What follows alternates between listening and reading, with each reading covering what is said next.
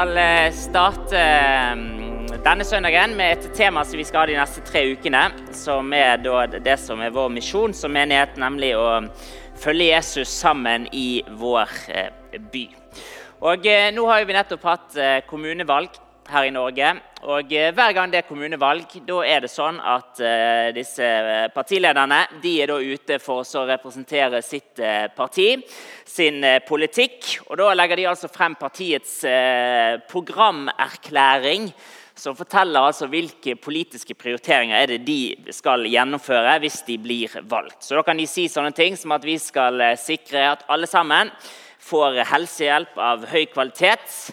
Eller de kan si ting som at vi vil legge frem en reform som skal forebygge rusproblemer. Eller så kan de si sånn at vi skal ikke ha omkamp om Bybanen over Bryggen.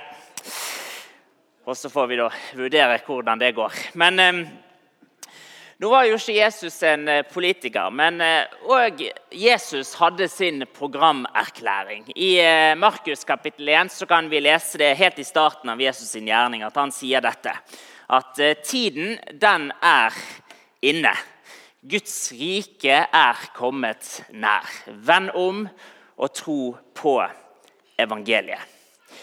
Jesus kom for å annonsere det at Guds rike er kommet nær.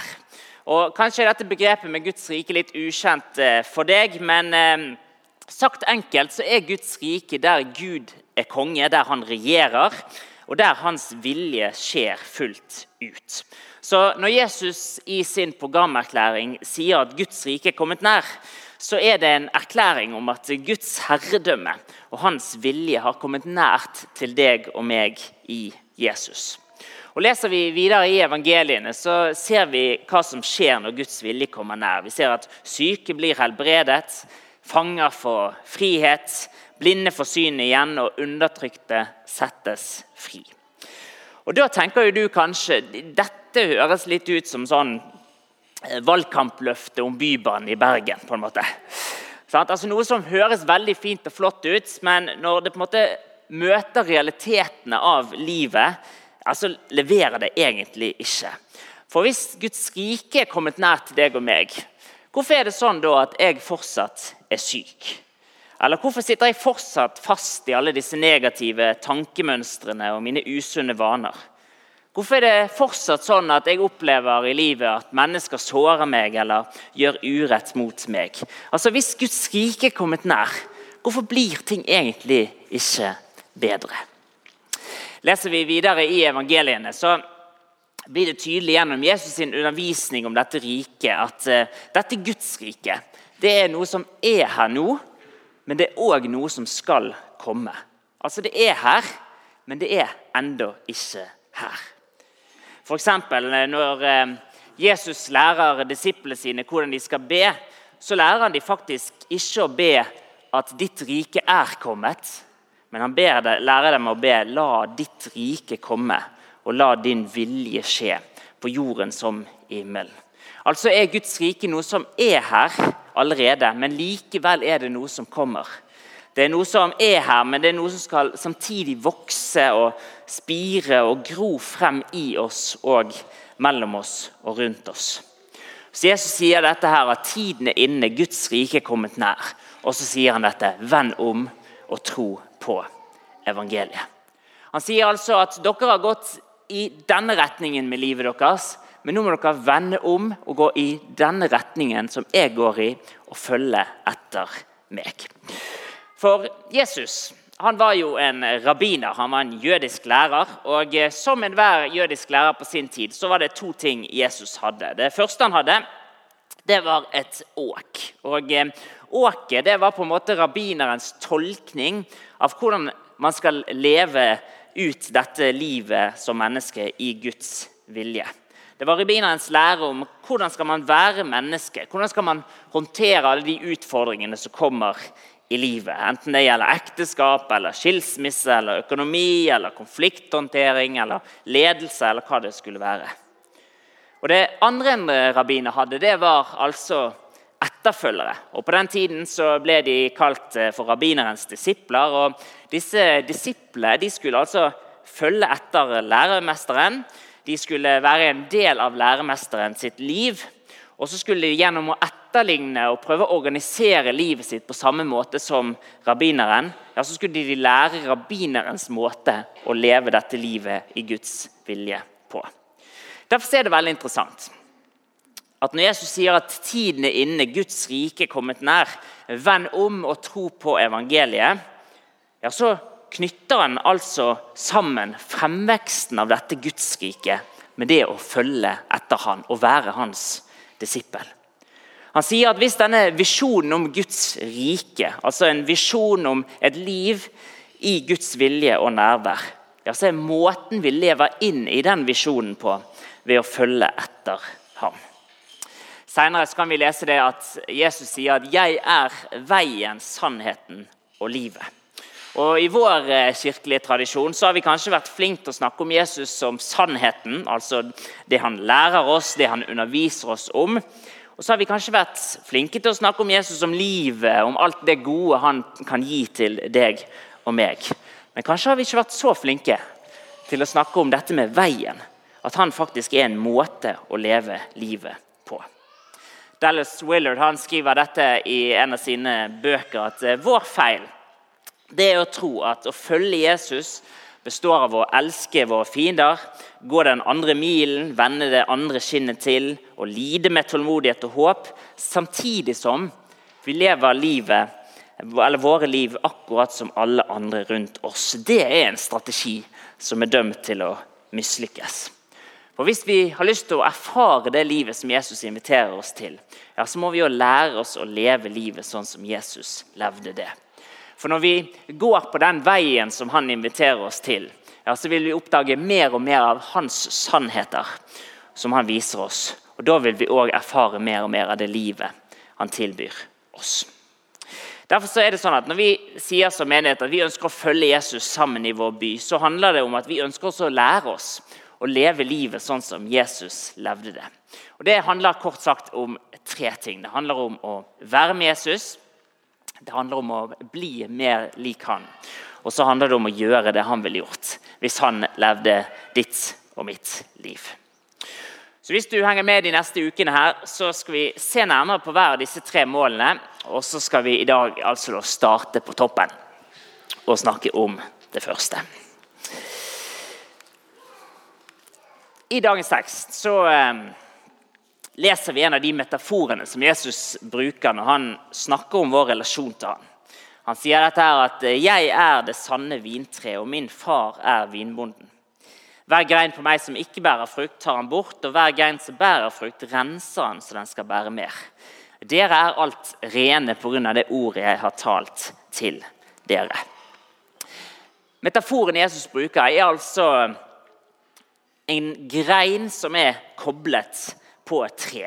Han er vintreet, vi er greinene. Og I løpet av disse versene som vi nettopp eh, har lest sammen, så bruker Jesus dette ordet, det å bli eller blir i ham, hele ti ganger.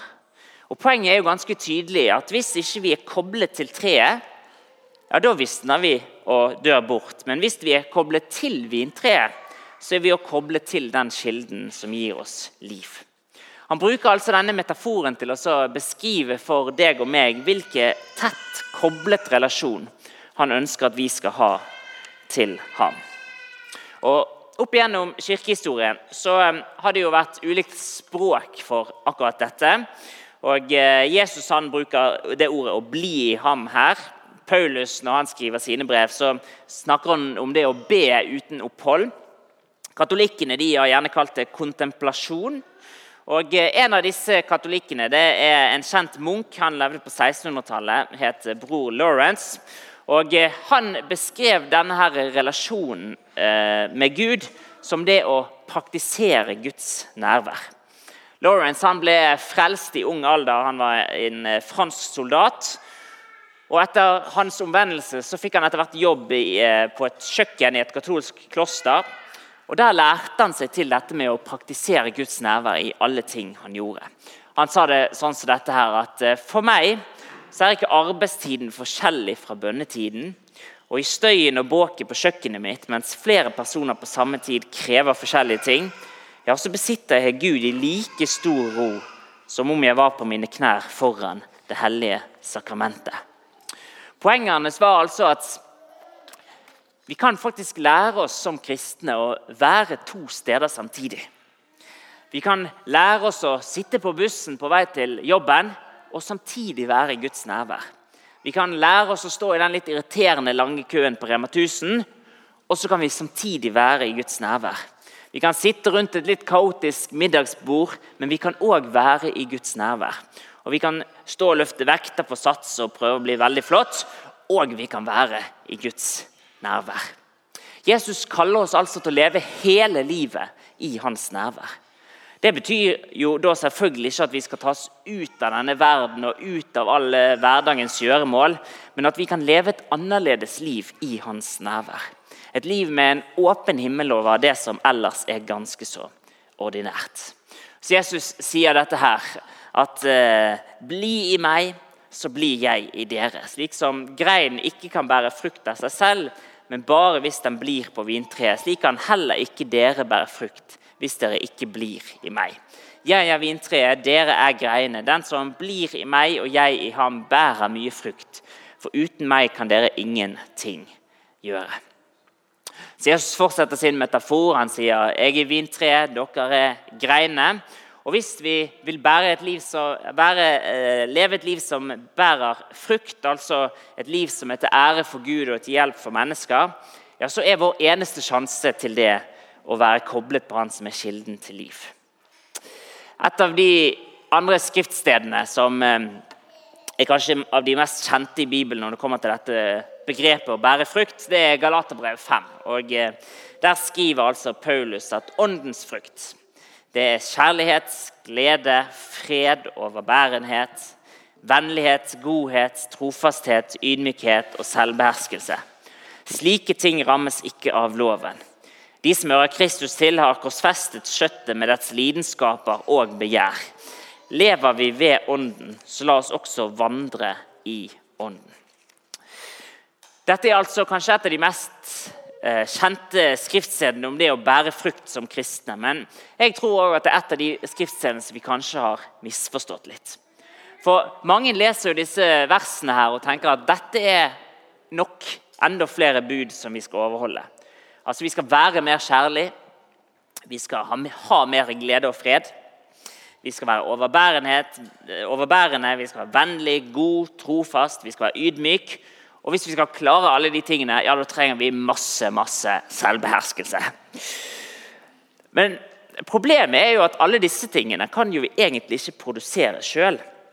Altså, det er ikke sånn at du kan bare bestemme deg for nå skal jeg være glad, eller nå skal jeg være fredfull. Fordi at Kjærlighet og glede og fred det er jo egentlig ikke et spørsmål om viljestyrke, men det som en forfatter kalte det, en indre disposisjon i hjertet når det er formet til å bli mer lik Jesus. Og Det betyr selvfølgelig ikke at vi ikke kan bruke vår viljestyrke til det som er godt, men det betyr bare det at viljestyrken alene kan ikke produsere de tingene vi eh, leser om her. For det at glede, fred, overbærenhet, vennlighet, godhet, trofasthet, ydmykhet, selvbeherskelse det er ikke noe vi kan produsere. Men det er frukter som kommer fra et hjerte som er kommet til rette med Gud. Så Paulus han skriver i tråd med det som er Jesus sine ord. Lever vi ved Ånden, så la oss òg vandre i Ånden. Så hvordan gjør vi det? Jo, vi gjør det ved å lære å leve som Jesus. Ved å bli hans disipler. Jesus sier dette at hvis dere blir i meg og mine ord blir i dere, be da om hva dere vil, og dere skal få det. For ved dette blir min far æret, ved at dere bærer mye frukt og blir mine disipler. Jeg sa innledningsvis at Jesus var en eh, jødisk eh, lærer. og eh, hans, Som en jødisk lærer hadde altså et åk, altså hans tolkning av hva det vil si å være et menneske i Guds vilje. Og han hadde disipler, altså lærlinger som skulle leve sammen med han og lære å organisere livet sitt på samme måte som læremesteren. Og Gjennom dette så skulle altså Jesus sine disipler bli formet og bli forvandlet. Og Utfordringen med det er jo bare at den tanken om endring og forandring i våre liv det er ganske langt unna hvordan vi egentlig pleier å tenke om endring i våre liv som kristne i dag. For I dag så ser det litt mer sånn ut som denne sirkelen her. Altså, Vi går i kirken på søndag, eller vi hører kanskje på en podkast. Så blir vi inspirert. Sant? Tor Erling har sagt et eller annet, så vi tenker yes, mandag morgen, da skal jeg bli et bønnemenneske. Og så sier vi nå skal alt bli annerledes, nå skal alt bli kjempebra. Og så mandag here we go. Sant? Så tar vi oss sammen. Så bruker vi alt vi har av viljestyrke. Vi tar alarmen på klokken fem om morgenen, og vi eh, står på. Nå skal vi bli et bønnemenneske. Og nå skal alt endre seg. Og så lever vi individualistisk i Norge, så vi gjør det hver for oss. Vi skal ikke si det til noen engang, for det er jo ekstra åndelig. Av en eller annen grunn har vi lært. Så da prøver vi litt på mandag, og så kommer tirsdag. Og da mislykkes vi, og da blir vi skuffet. Og så sitter vi og venter på at neste søndag skal komme, slik at vi kan få en ny dose med inspirasjon. Dallas Willard igjen, han eh, skriver dette her, at den typiske menneskelige feilen det er å ville hva som er rett og viktig, men på samme tid ikke forplikte seg til den livsstilen som produserer handlingen vi vet er rett, og tilstand vi ønsker å nyte. Dette er kjennetegnet på menneskets karakter, som forklarer hvorfor veien til helvete er brolagt med gode intensjoner. Vi har til hensikt det som er rett, men vi unngår livet som gjør det til en virkelighet. For Hvis vi vil erfare det livet som Jesus tilbyr oss, ja, så må vi òg adoptere hans livstid. Og det dere, det tar et helt liv med trening. For som enhver god frukt så må altså jorden pløyes, frøene må sås, vekstmiljøet må vannes og tas vare på og beskyttes. Og over lang tid ja, så vokser det frem god og moden frukt. Så hva om vi kunne begynne å tenke litt sånn om vår vandring med Gud?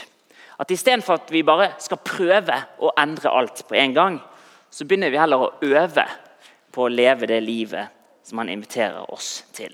Da tror jeg det kanskje kunne sett litt mer sånn ut.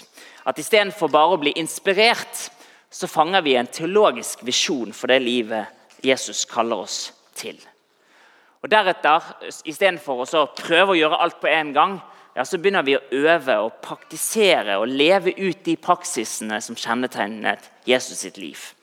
Enten det handler om sabbat og hvile, handler om tid i stillhet, tid i bønn, i Skriften, i fellesskap med hverandre og være gjestfri, eller i bønnene.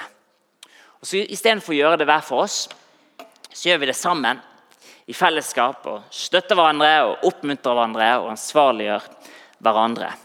Og Da tror jeg faktisk at vi vil oppleve mer mestringsfølelse. Fordi at det er Gud som får gjøre sitt verk i oss. For dypest sett så handler ikke forvandling i etterfølgelse av Jesus om noe som vi skal prestere, noe vi skal produsere, noe vi skal tvinge frem. Men det handler om å gjøre seg sjøl tilgjengelig for det Gud ønsker å gjøre i våre liv.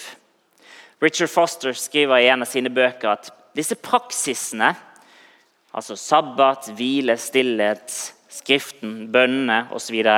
Disse praksisene de kan ikke gjøre noe for oss. Men de kan bare få oss til stedet hvor noe kan skje. Og På samme måte som greinene ikke kan bære frukt uten å være koblet på vintreet, så kan ikke du eller meg heller leve det livet Gud kaller oss til, uten å være koblet på ham.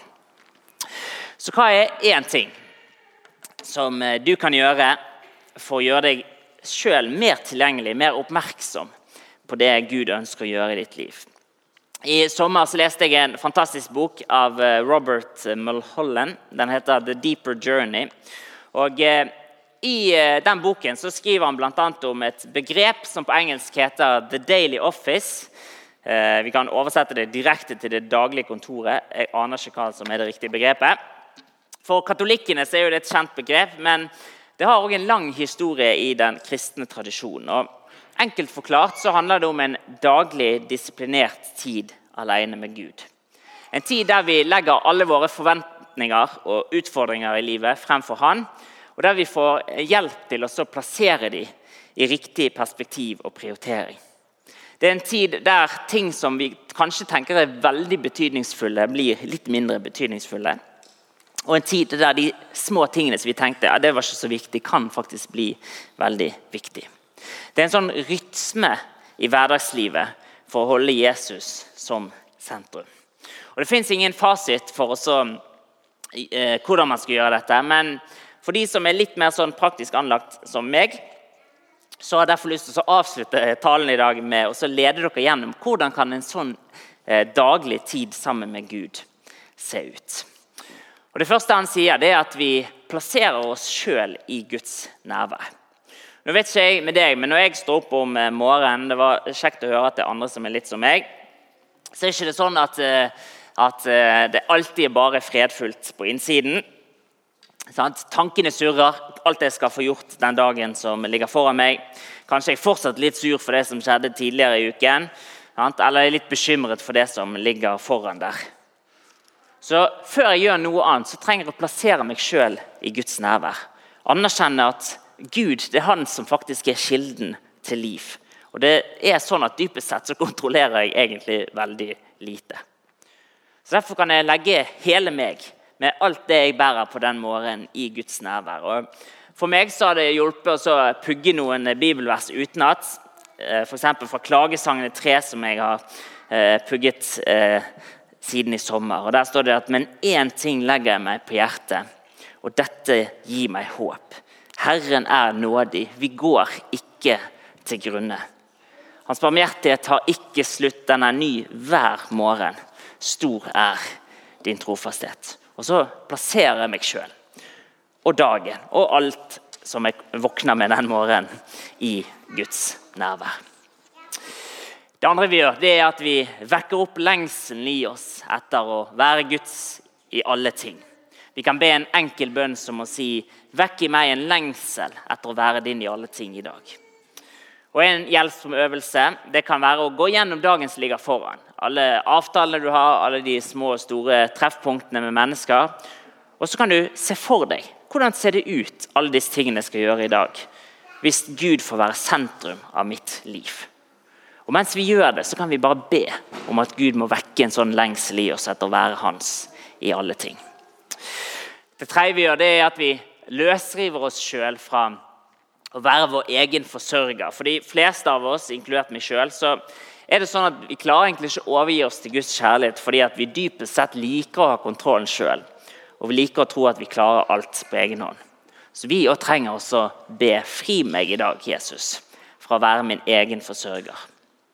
Og Når du gjør det, så kan det hende at Gud minner deg på noen ting, eller kommer noen områder i livet til tankene hvor det er viktigere for deg at dette må jeg kontrollere og styre sjøl enn å overgi meg helt til Gud. Og Hvis du opplever det, så har jeg lyst til å oppmuntre deg til å være litt sånn oppmerksom på hva følelser er det som våkner i deg da. For det, Da kan det hende at du begynner å føle litt sånn skyldig.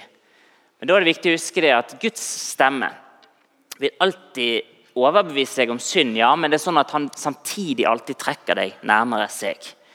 Mens fiendens stemme derimot, han vil peke på synden din, men han vil fordømme deg og si at du er ikke god nok, og du bør holde avstand. Så Hvis Gud minner deg på noe, så kan du enkelt legge det fremfor ham. og Så kan du si 'fri meg fra å være min egen forsørger'. For det, det er du som er kilden til alt liv. Og Da er det lettere å gjøre det fjerde, nemlig å overgi seg sjøl og dagen til Gud og be en enkel bønn 'Hjelp meg å ha deg som sentrum i mitt liv i dag'.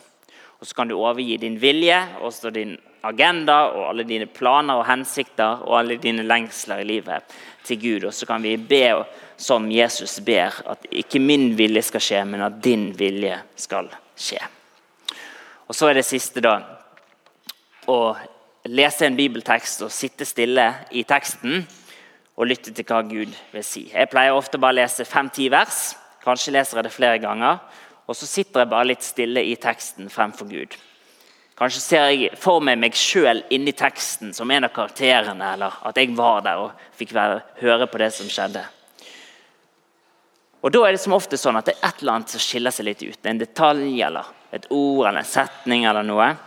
Og Da pleier jeg å skrive det ned og så tenker jeg at det er kanskje noe av det Gud ønsker å si til meg i dag. Og så tar jeg med den setningen eller det ordet eller det bildet inn i dagen. En enkel øvelse, men kanskje kan det være et første skritt. For hvis vi vil erfare det livet Jesus inviterer oss til, ja, så må vi òg adoptere hans livsstil.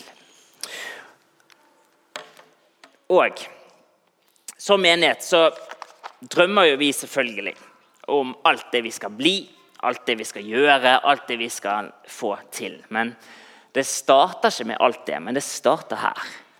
Å være tett koblet på Gud, han som er kilden til alt liv. For det er sånn at Vekkelser og fornyelser og ny fremvekst av Guds rike i denne byen det starter ikke der ute i det kollektive, men det starter med at Gud gjør noe i enkeltmennesker, i deg og meg, når vi vender om og søker Han og følger etter Han med hele våre liv. Robert Mulholland, som jeg leste i sommer, han eh, var òg professor på Asbury eh, Seminary i Kentucky i eh, USA. Og Han brukte hele sitt liv på å lede mennesker til en dypere vandring med Gud. Og Han døde i 2015, og i år, altså i februar 2023, så bryter det ut en vekkelse, en fornyelse på Asbury, som har hatt ringvirkninger på universiteter over hele verden og i menigheter over hele verden. Og Nå sier ikke jeg at det er på en måte resultatet av Møllhøllen sitt verk. langt derifra. Men samtidig så er det noe med det som vekker litt en sånn lengsel i meg. Etter et gjennombrudd av Guds rike også her i vår by. Selv om det er sånn at kanskje det gjennombruddet skjer etter min levetid. Men det starter der, med at vi vender om. Ved at vi følger etter Jesus og at vi søker hans nærvær. For personlig fornyelse er det som leder til kollektiv fornyelse. Vi ber en bønn sammen.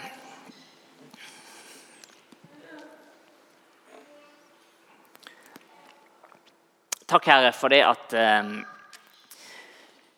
dette livet som vi lever, kan vi få være koblet på deg.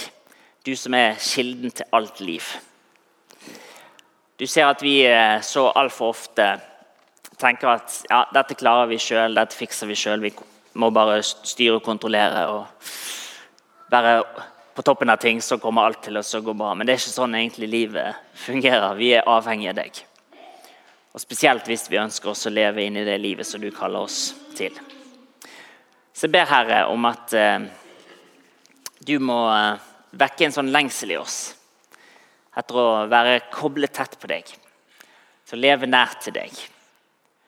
Til å eh, få vandre gjennom dette livet med alt det det innebærer av opp- og nedturer og gjøremål og stress og eh, oppussing og alt som er. Og så kan vi samtidig få lov til å være i ditt nærvær, oppmerksom på det du gjør. Og søkende etter mer av det du ønsker oss å gjøre i våre liv. Så kom og eh, dra oss nærmere deg, Herre. Det er det du ønsker. Takk for at du ikke fordømmer oss eller eh, skyver oss unna, men du eh, dulter borti hjertene våre, og så inviterer du oss til å komme enda nærmere. Så vi eh, vil ta steg nærmere deg denne høsten, Herre. Det ber vi om i ditt navn. Amen.